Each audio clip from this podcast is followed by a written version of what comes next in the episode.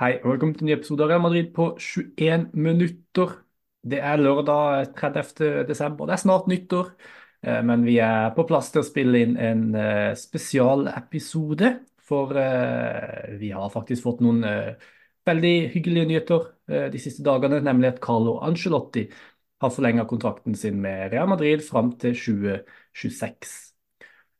Det er jo noe vi alle er ganske enige om at det er velfortjent. Eh, men så er det også en del ting med, med denne kontraktforlengelsen som, som, som, man kan stille litt spørsmålstegn ved. da. Vi skal ta for oss både de positive sidene og eventuelt noen negative sider med å forlenge kontrakten til Karl Anslotti i denne episoden. Med meg til å prate om alt dette her har jeg Martin. Hei. Buenos dias. Og så var det en ting jeg ikke nevnte i introen her, for dette her skal være en Angelotti spesial. Men vi har jo også fått noen nyheter om Kylian Mbappé de siste dagene. Så vi må vel prate litt om det også, må vi ikke? Jo, eh, holdt på å si, han lever jo en sagt rent-free hone til oss alle. så når det kommer nyheter på den fronten, så er det på mange måter litt obligatorisk til å, til å ta, ta, opp det. Ja, absolutt. Man begynner å bli litt lei av det nå. Jeg må innrømme at jeg ja. gjør det. Men uh, ja, vi skal komme tilbake til det. Men en av nyhetene er jo det at hvis, hvis, ikke, hvis ikke, det skjer nå, så er det over. Da skjer det ikke. Mm. Så det er jeg jo for så vidt litt glad for, da. Men vi tar det når vi kommer dit. Aller først så må vi jo prate om, om Carlo Angelotti. og Vi har jo om, vi har nevnt det mye i podden tidligere. Det ser jo mer og mer ut som at han får en kontraktforlengelse. og der vi kanskje var litt skeptiske mot slutten av forrige sesong, så har han jo absolutt nå bevist, særlig denne høsten, da, at det han klarer å få ut av en begrensa tropp eh, med spillere som Altså, han har mista sin beste spiss, han har mista verdens beste spiss. Eh, og fortsatt klarer å, å, å, lage et lag som stabler sammen et lag eh, som leder La Liga, som vant alle kampene i gruppespillet av Champions League som ligger godt posisjonert til å kjempe i, helt til slutten i de aller uh, fleste turneringer. Det er jo vanvittig imponerende. Uh, og det er vel dette sammen med, med det at Real Madrid spiller attraktiv angrepsfotball, at det er god stemning i laget. Det er vel alle disse tingene, tror du ikke, som på en måte fører til at han nå får denne kontraktforlengelsen? da? Jo, eh, det er jo det. Altså, man har levert en fantastisk god høst til tross for store store utfordringer. Du nevner man mista spissen sine, men altså, vi har jo eller har vært enorme skadeproblemer på, på særs viktige spillere. altså Per dags dato så står man med førstevalget på keeperplass og de to førstevalgene med stoppeplass ute nær sagt hele sesongen. Mm. Og det er ganske, ganske, enormt. Så har jo Jeg var helt sikker på at det var en sånn, om ikke signert avtale, i hvert fall en kraftig sånn gentleman's agreement om at Anslotti går til, eller blir Bastians landslagstrener når kontrakten hans da i utgangspunktet så går ut for 30.6.2024. Um, og Brasiliansk fotballforbundet har jo òg uh, eh, vært veldig åpne om at de ønsker Ancelotti. Uh, men så ble ikke det noe av, og det, det syns jeg er interessant. Og fra et Real Madrid-ståsted så holdt jeg på å si Hvis ikke det han har gjort nå i høst skulle være godt nok til en forlengelse, hva skulle da vært det? Det mm. skjønner ikke jeg helt. Uh, så har man nok sett litt på alternativene som er rundt sett litt på den kortsiktige fremtiden, hva er det Madrid kommer til å trenge, og landa på at Karan Slotti er det beste svaret. og Det syns jeg egentlig stemmer ganske bra. Ja, eh, altså det er vanskelig å være, være uenig. Eh, måten han kom tilbake på, vant Champions League i sin første sesong. Jeg så litt på de, de, de spillerne Real Madrid mista den sommeren. De mista jo både Varan og Sergio Ramos. Eh, blant annet. Og så kom han inn der og fikk Han fikk jo kun David Alaba inn og, og Kamavinga, da, som viste seg å bli en større signering enn det mange hadde sett for seg. Men de tingene han har klart å, å stable sammen etter altså Real Madrid har blitt bedre de siste sesongene uten å gjøre noen sånne åpenbare forsterkninger på overgangsmarkedet. Det syns jeg sier litt om hans kvaliteter. Uh, han klarer å få det beste ut av spillerne sine. Og så er det jo en ting med Ancelotti. Det er jo at jo bedre spillere han har, jo bedre presterer laget hans sitt. Eh, hvis han klarer å få det beste ut av de beste spillerne, så har jo han et lag det nesten er umulig å slå. Og Det var jo litt det som skjedde med, med dette AC Milan-laget, som, som, alle husker så godt, med, med Kaka bl.a. Og, og den gjengen der, som eh, jo spilte litt med denne juletreformasjonen som man nok kan kjenne litt igjen hos, hos Real Madrid. Så at dette har gått bra, er på en måte ikke overraskende. Men så var det noen tendenser da i forrige sesong som, som man kanskje så var litt skeptisk til. Men han har liksom han har tatt til seg jeg vet ikke om nødvendigvis han har tatt til seg kritikk, men han har iallfall hatt et godt trenerteam rundt seg som har på en måte sammen så har de funnet ut at jo, dette her er den beste løsninga eh, nå. Kanskje ikke det er riktig å starte Luka Modric og Kroos lenger. Kanskje en kombinasjon av en av de og f.eks. Valverde kan fungere bedre. Og så har de liksom triksa og miksa helt fram til de nå har funnet ut av et helt eh, fantastisk godt system som funker kjempebra. Så veldig, veldig gøy å, at han får en forlengelse. Og så må det jo også sies at han er jo han er jo en, en vanvittig kul person. Det er så gøy med Angelotti. De Pressekonferansene under Zidane er det mest kjedelige jeg har sett i hele mitt liv. Det var snakk om å sofrir hele tida. Eh, det var det eneste man måtte gjøre. Det var bare å ofre, og så kom han til å vinne og, og hele pakka. Men med Ancelotti er det gøy å følge med. Han er morsom, han har, god, har, et godt forhold til pressen. Man skal ikke undervurdere verdien av det, eh, og særlig i Florentino Perez sine øyne så tror jeg nok han er opptatt av å ha et godt forhold til, til pressen. Eh, men også bare den der gode stemninga det er i dette laget. Han tuller litt med de yngre spillerne. Han, eh, det er rett og slett bare en vanvittig god stemning i troppen, og det tror jeg også har vært en viktig årsak til at han, han får lov til å fortsette. Jeg tror rett og slett at eh, spillerne hadde De hadde jo selvfølgelig ikke liksom satt seg på bakbeina, det er ikke noe de kan gjøre, men jeg tror mange spillere hadde vært skuffa om Angelotti ikke hadde fått fortsette jobben eh, etter det han har levert den siste tida. og den, den gode stemninga som han har i klubben. da. Ja, når det kommer til det, så husker man jo Jeg husker han veldig godt eh, den dårlige stemninga som var i Madrid da Angelotti fikk sparken i 2015. Eh, det har vel aldri vært en trenersparking hvor flere i avstand hadde gått ut og på en måte Én ting er liksom å takke treneren for det man har gjort, det er ganske vanlig, men da var det jo veldig mange som liksom la med sånne syrlige meldinger om at ja, vi, vi, det er ikke alle som ser alt du gjør, eh, og sånne type ting. Som var veldig, veldig åpen på at spillerne var ekstremt misfornøyde med at de kan skulle fortsette jobben.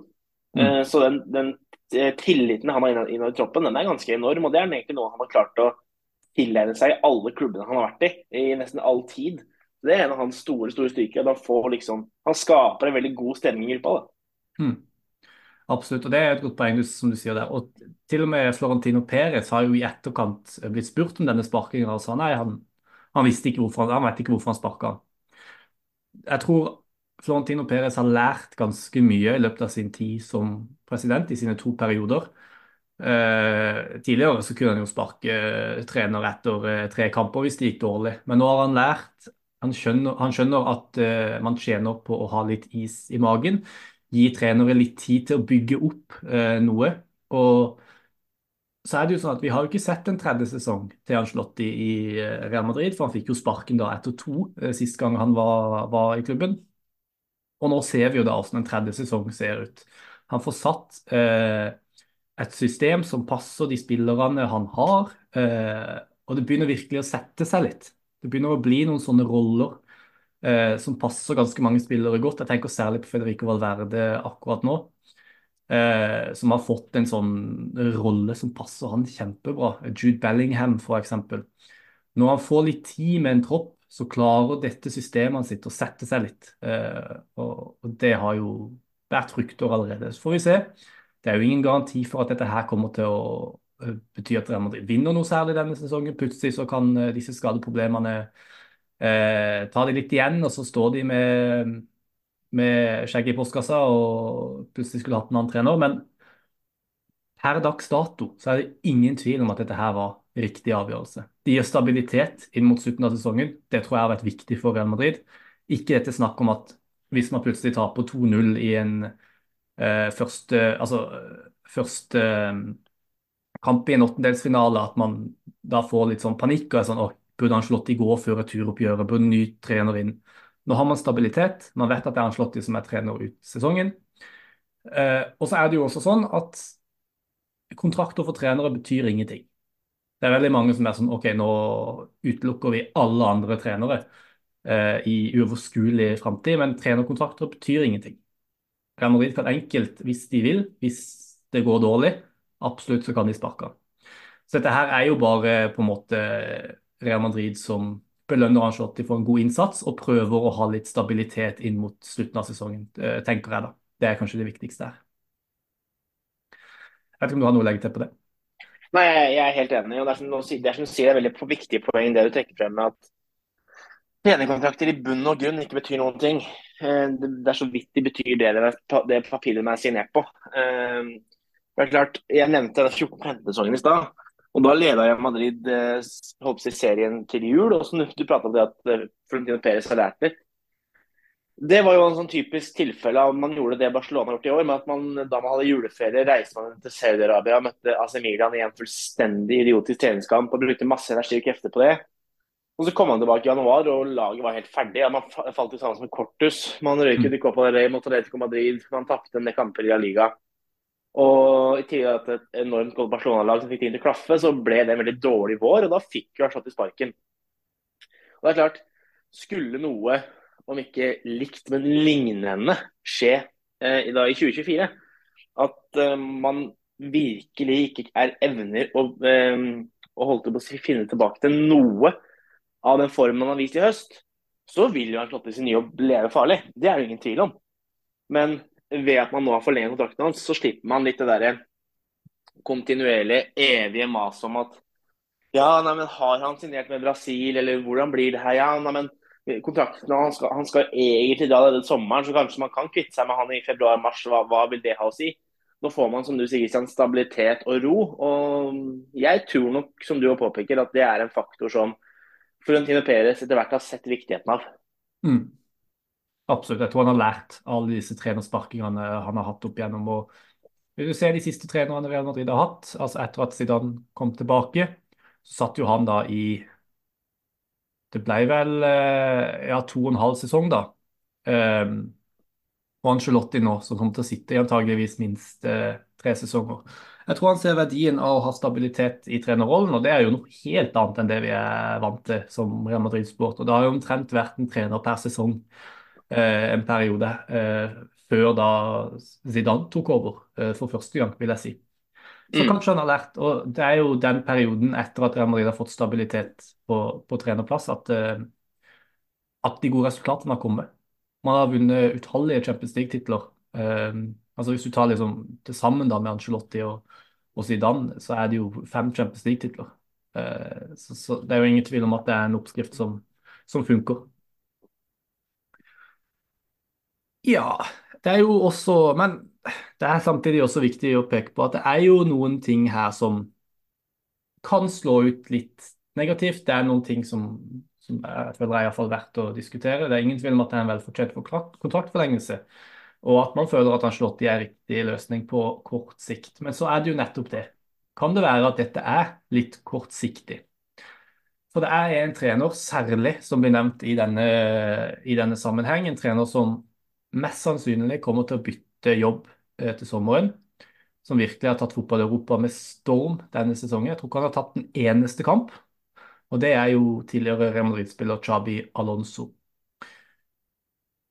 Det er, ingen, det er, nok veldig sannsynlig at han kommer til å bytte jobb til eh, sommeren. Eh, det var veldig mange som håper at eh, han skal ta over Real Madrid. Men jeg, synes, jeg, ser jo på dette her som en tillitserklæring til Angelotti. Jeg tror at dette er litt konteksten rundt det. ikke sant? Igjen dette med å gi stabilitet.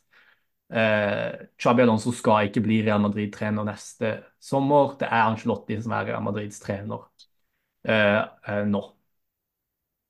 Tror, og så er det noen som har poengtert dette, at Chabi Alonso virker som en trener som eh, har lyst til å bygge prosjekter. Han, han, er en litt sånn Klopp-type, virker det som, ut ifra den korte tida vi har sett av han som, som, trener. Men han liker å samle brikker og så lag, få et velfungerende, godt eh, lag.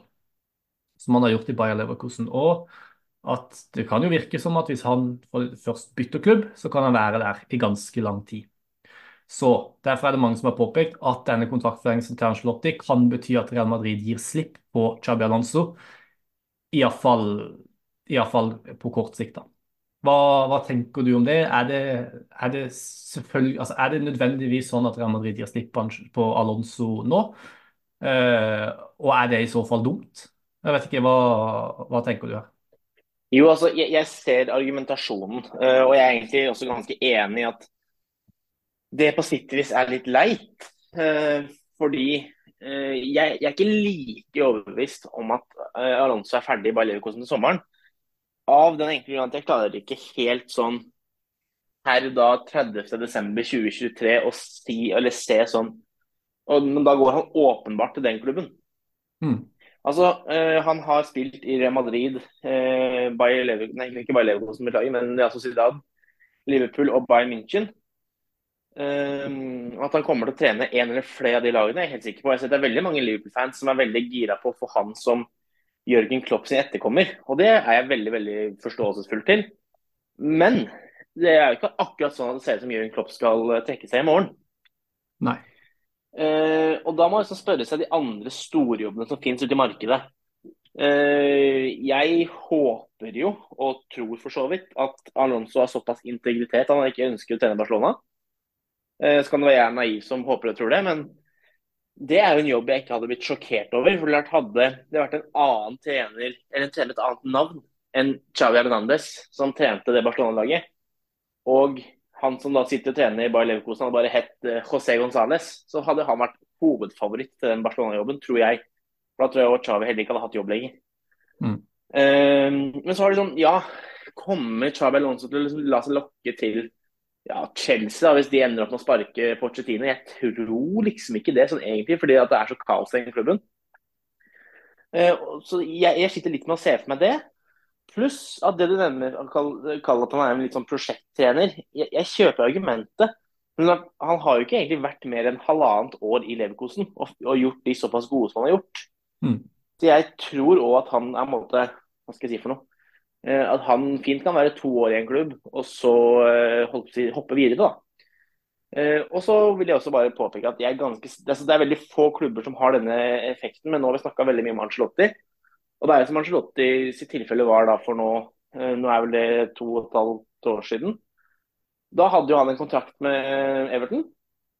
I den kontrakten så var det det kan kreve penger fra meg hvis jeg blir hentet av et annet lag. Men hvis en av disse klubbene vil hente meg, så vil jeg gå gratis. Og da var det AC Milan eller Real Madrid. Mm. Og det er Real Madrid og ytterst få andre klubber som har den tiltrekningskraften. Og jeg tror det kan bli resultatet med Xavi Alonso også, at han går til klubb. Og så når da omsider Madrid skal ha en ny trener, så sjokkerer det meg ikke om da Alonso faktisk kommer seg ut av kontrakten og kommer til Madrid, hvis det er ønskelig for begge parter. Ja. Det er, det er noe med det. det er, jeg er enig med deg. Ser ikke på det som skrevet i stein at hvis Alonso drar til Bayern München f.eks., at han kommer til å sitte der i 15 år, trener og bytter klubber, trener og får sparken. Plutselig har man et dårlig overgangsvindu og bommer på en spissignering, og da skal det ikke mer til enn det altså før en, en trener mm. får sparken. Uh, så jeg tror ikke dette er koke på døra for Alonso som, som Real Madrid-trener. Jeg bare tror at det, det, handler om at Altså, det er det klassiske 'if it ain't broke, don't fix it'. Ikke sant? Yes. Altså, det som Real Madrid har med Ancelotti nå, det funker. Og det dummeste man kan gjøre da, det er rett og slett å bare prøve noe nytt eh, når det som, som, allerede funker, faktisk funker. Det er ingen vits å endre bare for å endre. Ja, nei, nettopp. Og det er jo kanskje litt det den fella Bayern München har gått i. De var gode under Julian Nagelsmann. Og så var det noen interne konflikter der, jeg er klar over det. Men det var en trener som funka, og så har de erstatta han med en annen trener, og så har det på mange måter gått dårligere. Eh, nå har de jo fått inn Kane, og det har nok redda, redda Tuchel eh, litt, men allikevel litt den der samme greia, bare endre for å endre. Eh, Det tror jeg er smart av Real Madrid å rett og slett bare søke etter den stabiliteten. Men så var det en, en annen ting med Ancelotti som har blitt litt kritisert, er jo at han noen ganger kan bomme litt på taktikken til store kamper. Han gjorde det mot, eh, senest mot Atletico Madrid i høst. Da tapte man jo ganske stygt på, på eh, bortebane mot Atletico Madrid. Han bomma en gang mot Barcelona. Da tapte de jo 4-0 på Santiago Bernabeu. Eh, bomma mot Manchester City. Men jeg mener iallfall at han har på en måte vist at han har lært litt av dette. Mm. Chuamedi spiller hver eneste kamp nå fordi at han så mot Atletico Madrid at det må han gjøre. Uh, og jeg tror at han rett og slett nå har, har, funnet litt ut av det og kanskje blitt litt mer åpen for uh, at også han kan Jeg tror aldri han har vært jeg tror aldri han har vært så sta at han ikke innser at han selv gjør feil, men at, at han på en måte har blitt enda mer tilpasningsdyktig, om det er mulig for han å være. Uh, og det syns jeg jo viser, viser god karakter, da. Jeg vet ikke hva du Jeg, jeg syns det. Og jeg, den tingen jeg trekker fram i forbindelse med det her, fordi det er jo helt betimelig kritikk at han faktisk har bomma ganske stygt i storkamper. og Da, da har det skjedd litt sånn jeg hadde ikke kalt det hjemme. Ja, du hadde en, en, en klassikon hjemme, det var vel da sånn mars 2022-ish. Eh, Mars-februar 2022, 2022. Og så hadde du da City-kampen i våres. Eh, man kan selvfølgelig også argumentere for at den f.eks. den City-kampen, sesongen man vant Champions League, den på Etiad, at man bomma der òg. Jeg aldri tror jeg har sett Real Madrid eh, så ufortjent få med seg noe fra en kamp som han fikk i den kampen der. Mm. Og så hadde du den kampen på, eh, på Civitas Metropolitano nå i høst. Og Det er jo et mønster her, for det er ikke sånn at det er noe én gang og aldri igjen. Men jeg vil veldig tørre å påstå at det er, det er veldig sånn forskjellige taktiske bommerter. Mm. Sånn som den, eh, den, den, som er mest nylig, da, mot Atletico Madrid. Da var savnet av Chouameni enormt stort. Jeg husker veldig godt det kampen Barcelona. Da starta man med, med Luka Modric som spiss. Og det er sånn Jeg vil heller at det er en taktisk bommert, og det tror, tror jeg han har sagt selv også. Jeg vil heller være en taktisk bommert for noe han faktisk har prøvd ut. Istedenfor å si det, si det etterpå og si sånn åh, jeg burde prøvd det. For det er, det er, sånn han finner svarene sine. Altså Hadde han ikke faktisk prøvd ut Federico Valverde som høyreving den sesongen han vant Champions League, så hadde han ikke fått det svaret på at det faktisk ga en enorm balanse til det Madrid-laget. Og det å prøve da f.eks. igjen Luka Modric som spiss, det kunne gitt et like positivt svar. Og så gjorde det ikke det. Men man må prøve for å finne ut. Um, mm. Og han har vært veldig ærlig på at den kampen der bomma jeg. Det er, det er, min feil, min taktiske feil. Og så har han tatt læring av det. Så jeg ser ikke på det som noe stort minus, men det er selvfølgelig noe som man kan ikke glemme det helt heller.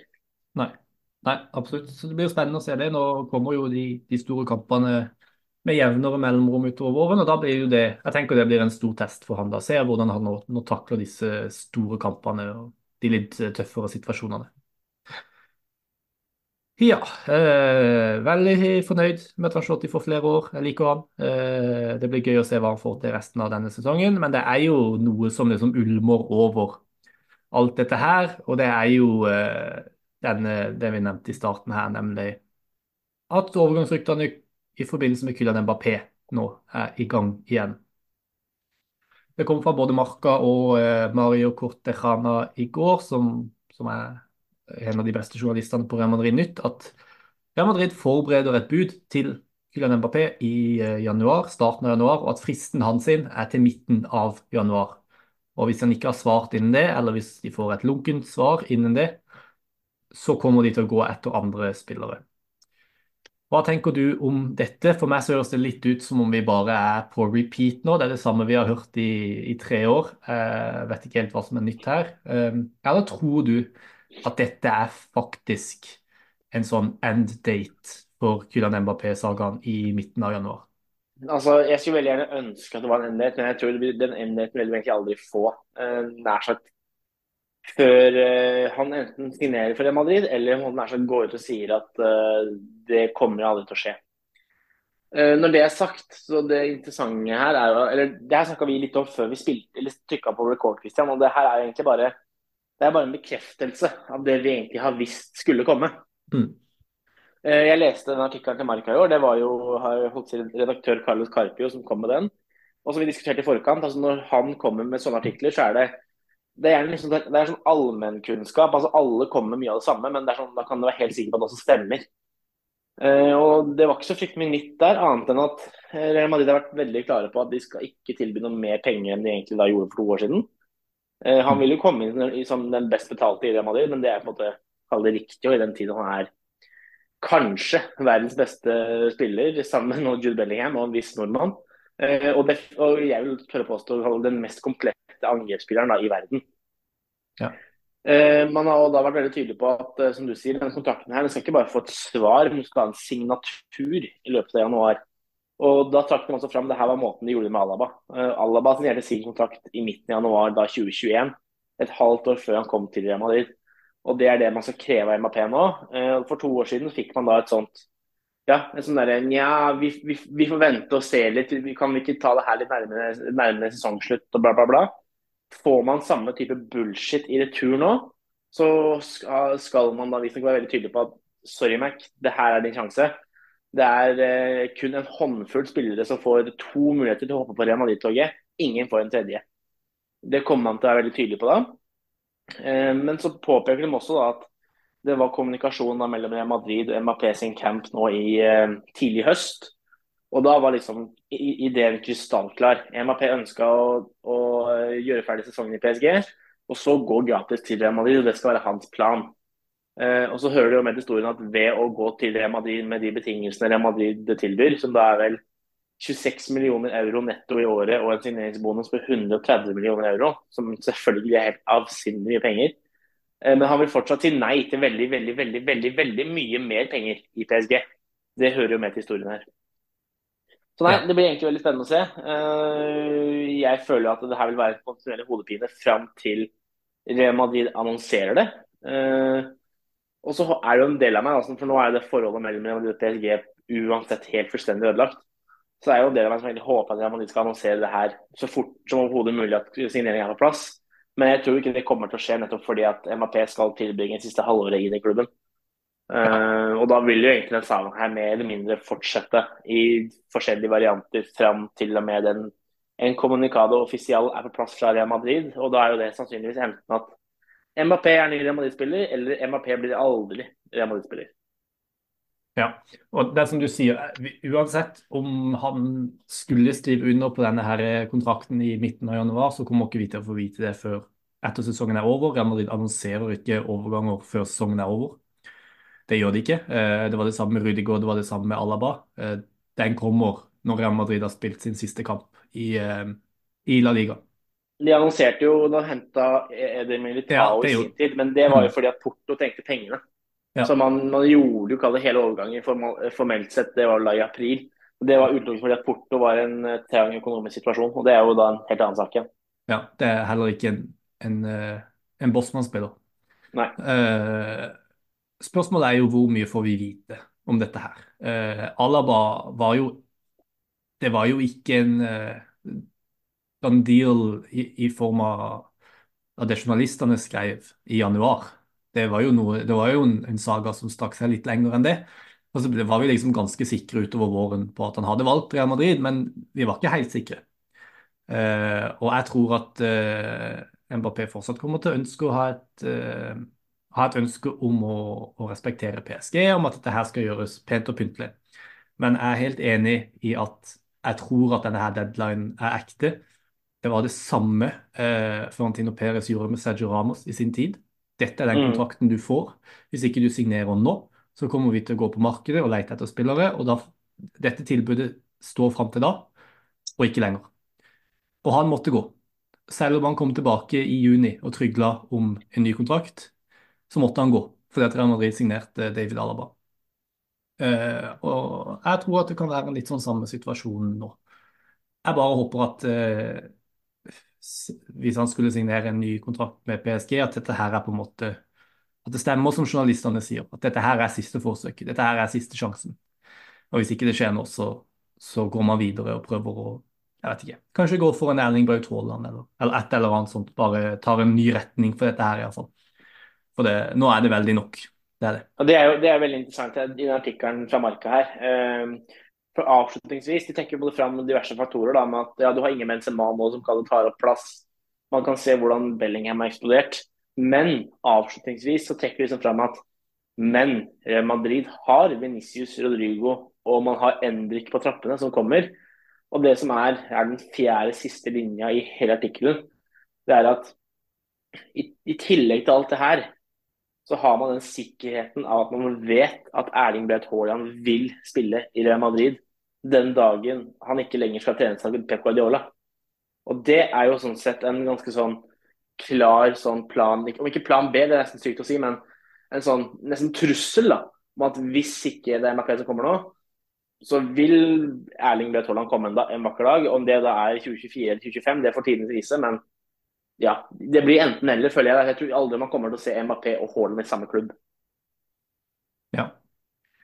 Det spørs, men eh, det vil, det vil tida, tida vise. Akkurat nå så er det bare Det, er de nyhetene vi har fått om, om Mbappé så langt. At Real skal legge inn et bud. Det er liksom der man, der man starter. Og så får vi se hvordan dette utvikler seg i løpet av de neste ukene. Men det tyder jo på at vi kommer til å få litt mer svar, iallfall, eh, i løpet av eh, januar. Ja, kanskje det var eh, nok for i dag. Jeg tror vi er godt over tida, så kanskje det er på tide. Du har ikke noe mer eh, å prate om? Tenkte Nei, jeg vil bare legge, legge bisetningen om at det her skulle jeg egentlig nevnt tidligere, men uh, tida løper fra oss. Jeg tror at forlengelsen av uh, Carlo Ancelotti er veldig fordelsaktig hvis man evner å hente Mbappé. Er det én trener jeg tror kan få Mbappé til å passe inn i dagens Real Madrid, hvor man egentlig har tre spillere som alle foretrekker, eller vil ha tre spillere, som alle foretrekker å spille ut fra venstresiden, i Rodrigo, Mbappé og Venicius, så tror jeg det er Ancelotti som kan få det til å rulle og gå eh, på banen. Så det, det ser jeg på som et stort pluss. Absolutt. En spiller som vet å få det beste ut av, av alle spillerne i, i posisjoner som ikke nødvendigvis er de sin beste posisjon. Og tilpasse systemet til spillere. Og ja, det er som du sier, eh, Real Madrid har tre spillere som, som trives best på venstre kant. Ja, de har to nå. Hvis Mbappé kommer, så vil det være tre. Så det vil jo være en floke eh, for treneren å løse, men da er vi jo kanskje Angelotti den beste treneren til å gjøre nettopp det. Mm. Og Så kommer jo Endrik inn også, som er spiss. Eh, Så det blir også spennende å se hvordan han løser det. Selv om Endrik kommer nok ikke til å spille en veldig tydelig rolle fra, fra starten av, så blir det jo allikevel noe han må tenke på på sikt. Nei, takk for at du var med i dag, eh, Martin. Det var helt strålende. Som alltid, Christian, en sann glede. Takk til alle som hørte på, og til neste gang, à la Madrid.